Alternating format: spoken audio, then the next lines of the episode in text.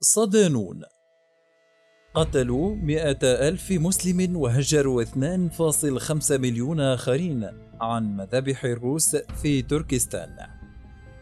مقال لعماد عنان ضمن ملف سجل روسيا الأسود.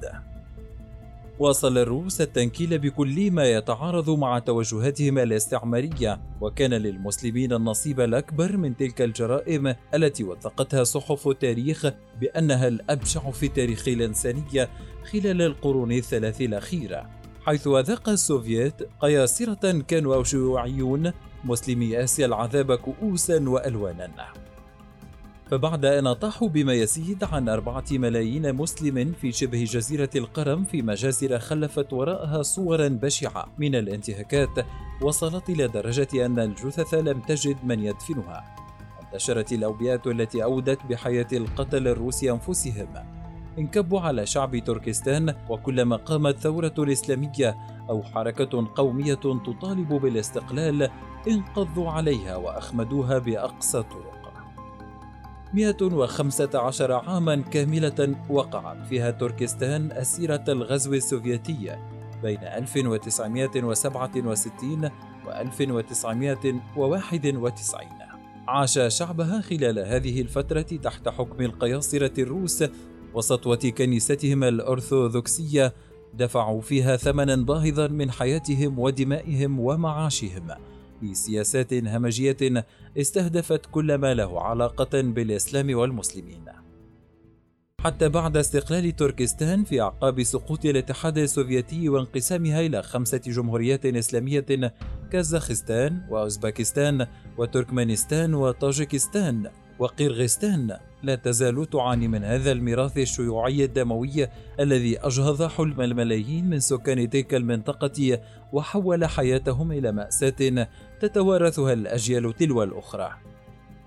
وتحد تركستان الغربية تركستان الشرقية تحت سيطرة الصينيين. جبال أورال في الشمال وجبال هندكوش وبامير في الجنوب وجبال تيان شان في الشرق وبحر الخزر قزوين في الغرب.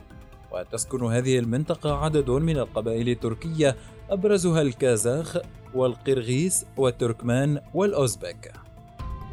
مطمع للقياصرة. يضرب الإسلام بجذوره العميقة في تركستان فهي بلد إسلامي من الطراز الأول منذ الفتح الإسلامي. لها على يد القائد قتيبة بن مسلم الباهلية 88 إلى 96 هجرية. الذي أدخل الإسلام للجانب الشرقي من البلاد حتى انتقل إلى جانبها الغربي وفتح بعض أجزائها ومن بعده بدأت ثمار الاتصال الحضاري بين الإسلام والحضارات الأخرى الموجودة بالمنطقة. وبقدوم عام 943 أدان شعب تركستان بالكامل بدين الإسلام تحت قيادة زعيمهم ستوق بغرخان خاقان الإمبراطورية القرخانية.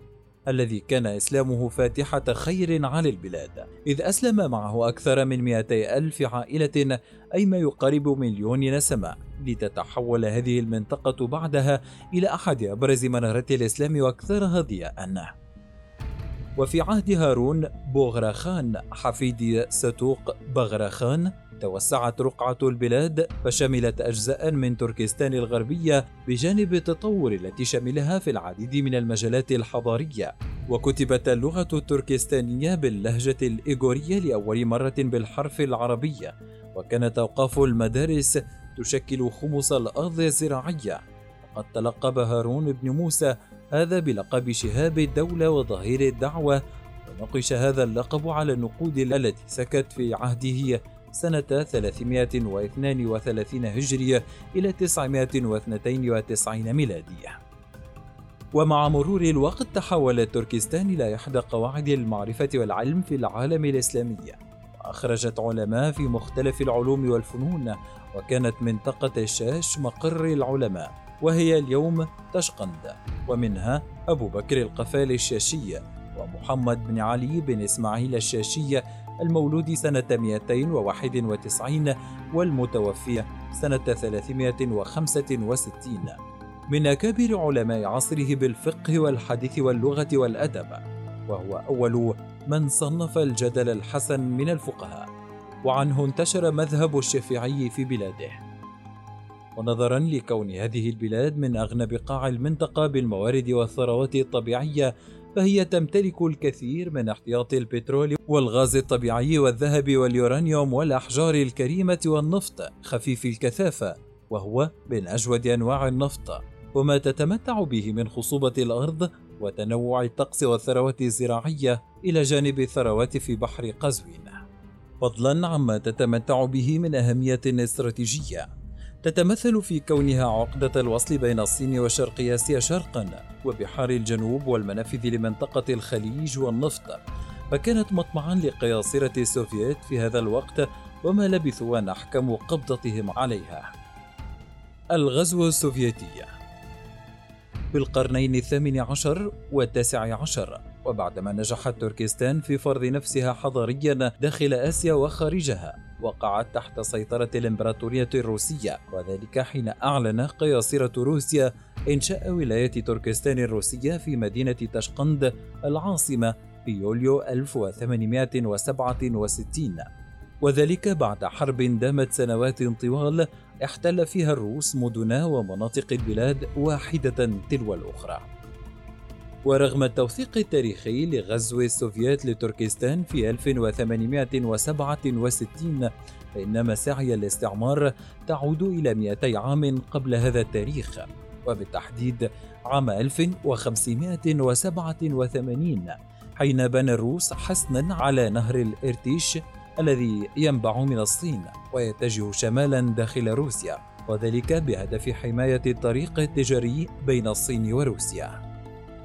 لكن المحاولات الجادة لعملية الغزو بدأت بالفعل في عهد القيصر بطرس الأكبر بين 1682 و 1725 الذي جلس على عرش روسيا وهو في العاشرة حيث أرسل عام 1714 قوة عسكرية كبيرة حاولت إنشاء قاعدة لها على نهر الإرتيش في مناطق الجنغار وهم إحدى قبائل المغول البوذية إلا أنهم طردوا ليعيدوا المحاولة مرة أخرى بعد ست سنوات حيث كان الجنغار قد دخلوا في نزاع مع الصين.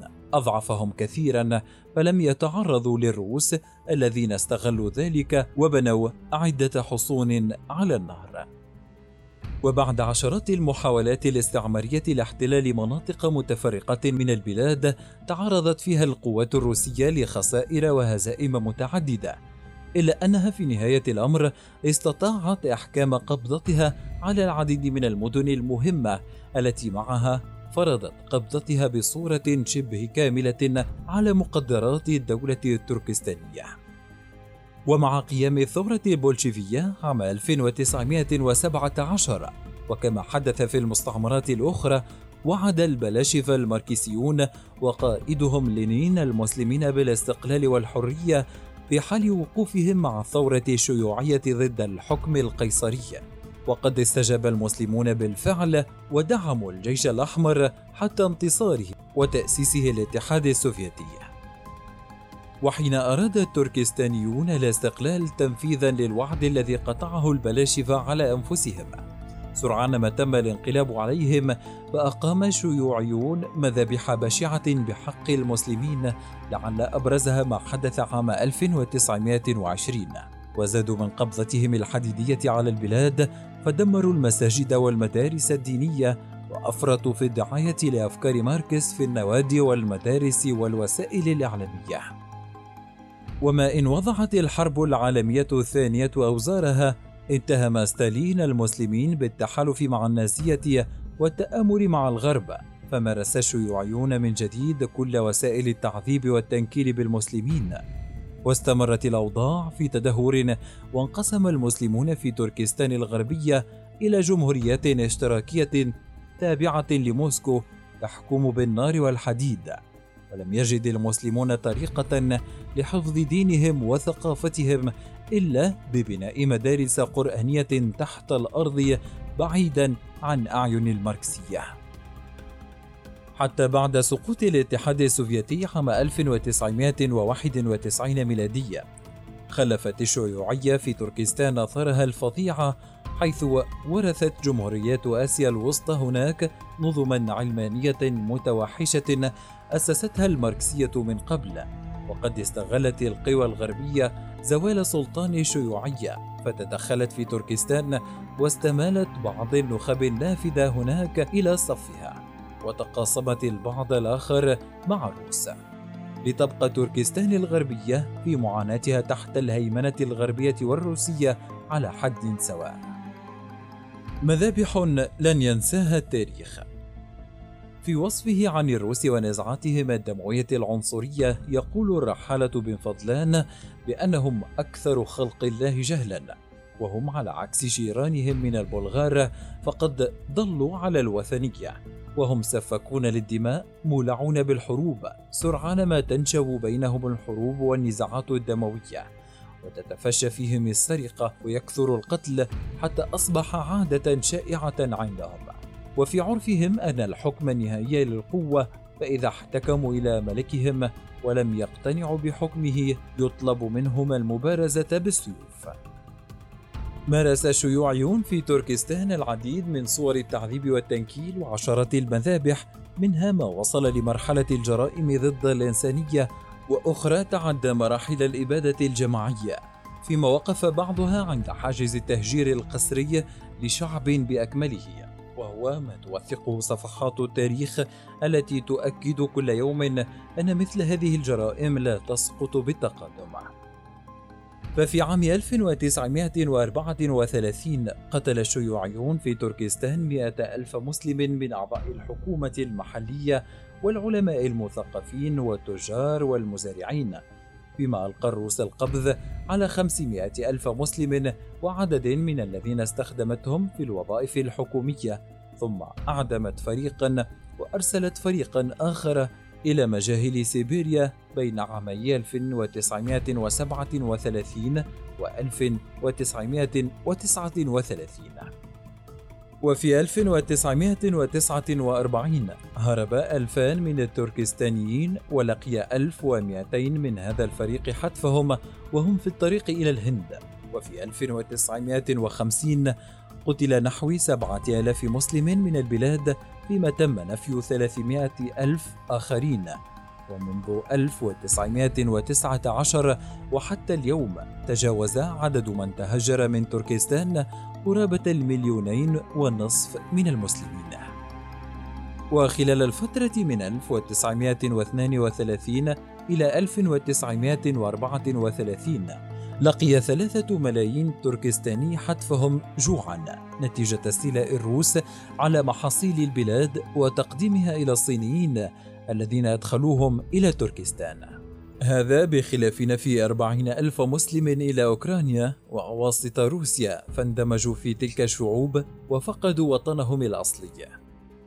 وفي سياق التنكيل بالمسلمين هناك هدم الروس المساجد وحولوها إلى دور للهو بجانب إغلاق المدارس الدينية. حيث بلغ مجموع المساجد التي هدمت أو حولت إلى غايات أخرى في تركستان وحدها 6682 جامعا ومسجدا. منها أعظم المساجد الأثرية مثل منارة مسجد كالان في مدينة بخارة وكته جامع في مدينة قوقان وجامع ابن قتيبة وجامع الأمير فضل بن يحيى وجامع خوجة أحرار في مدينة تشقند.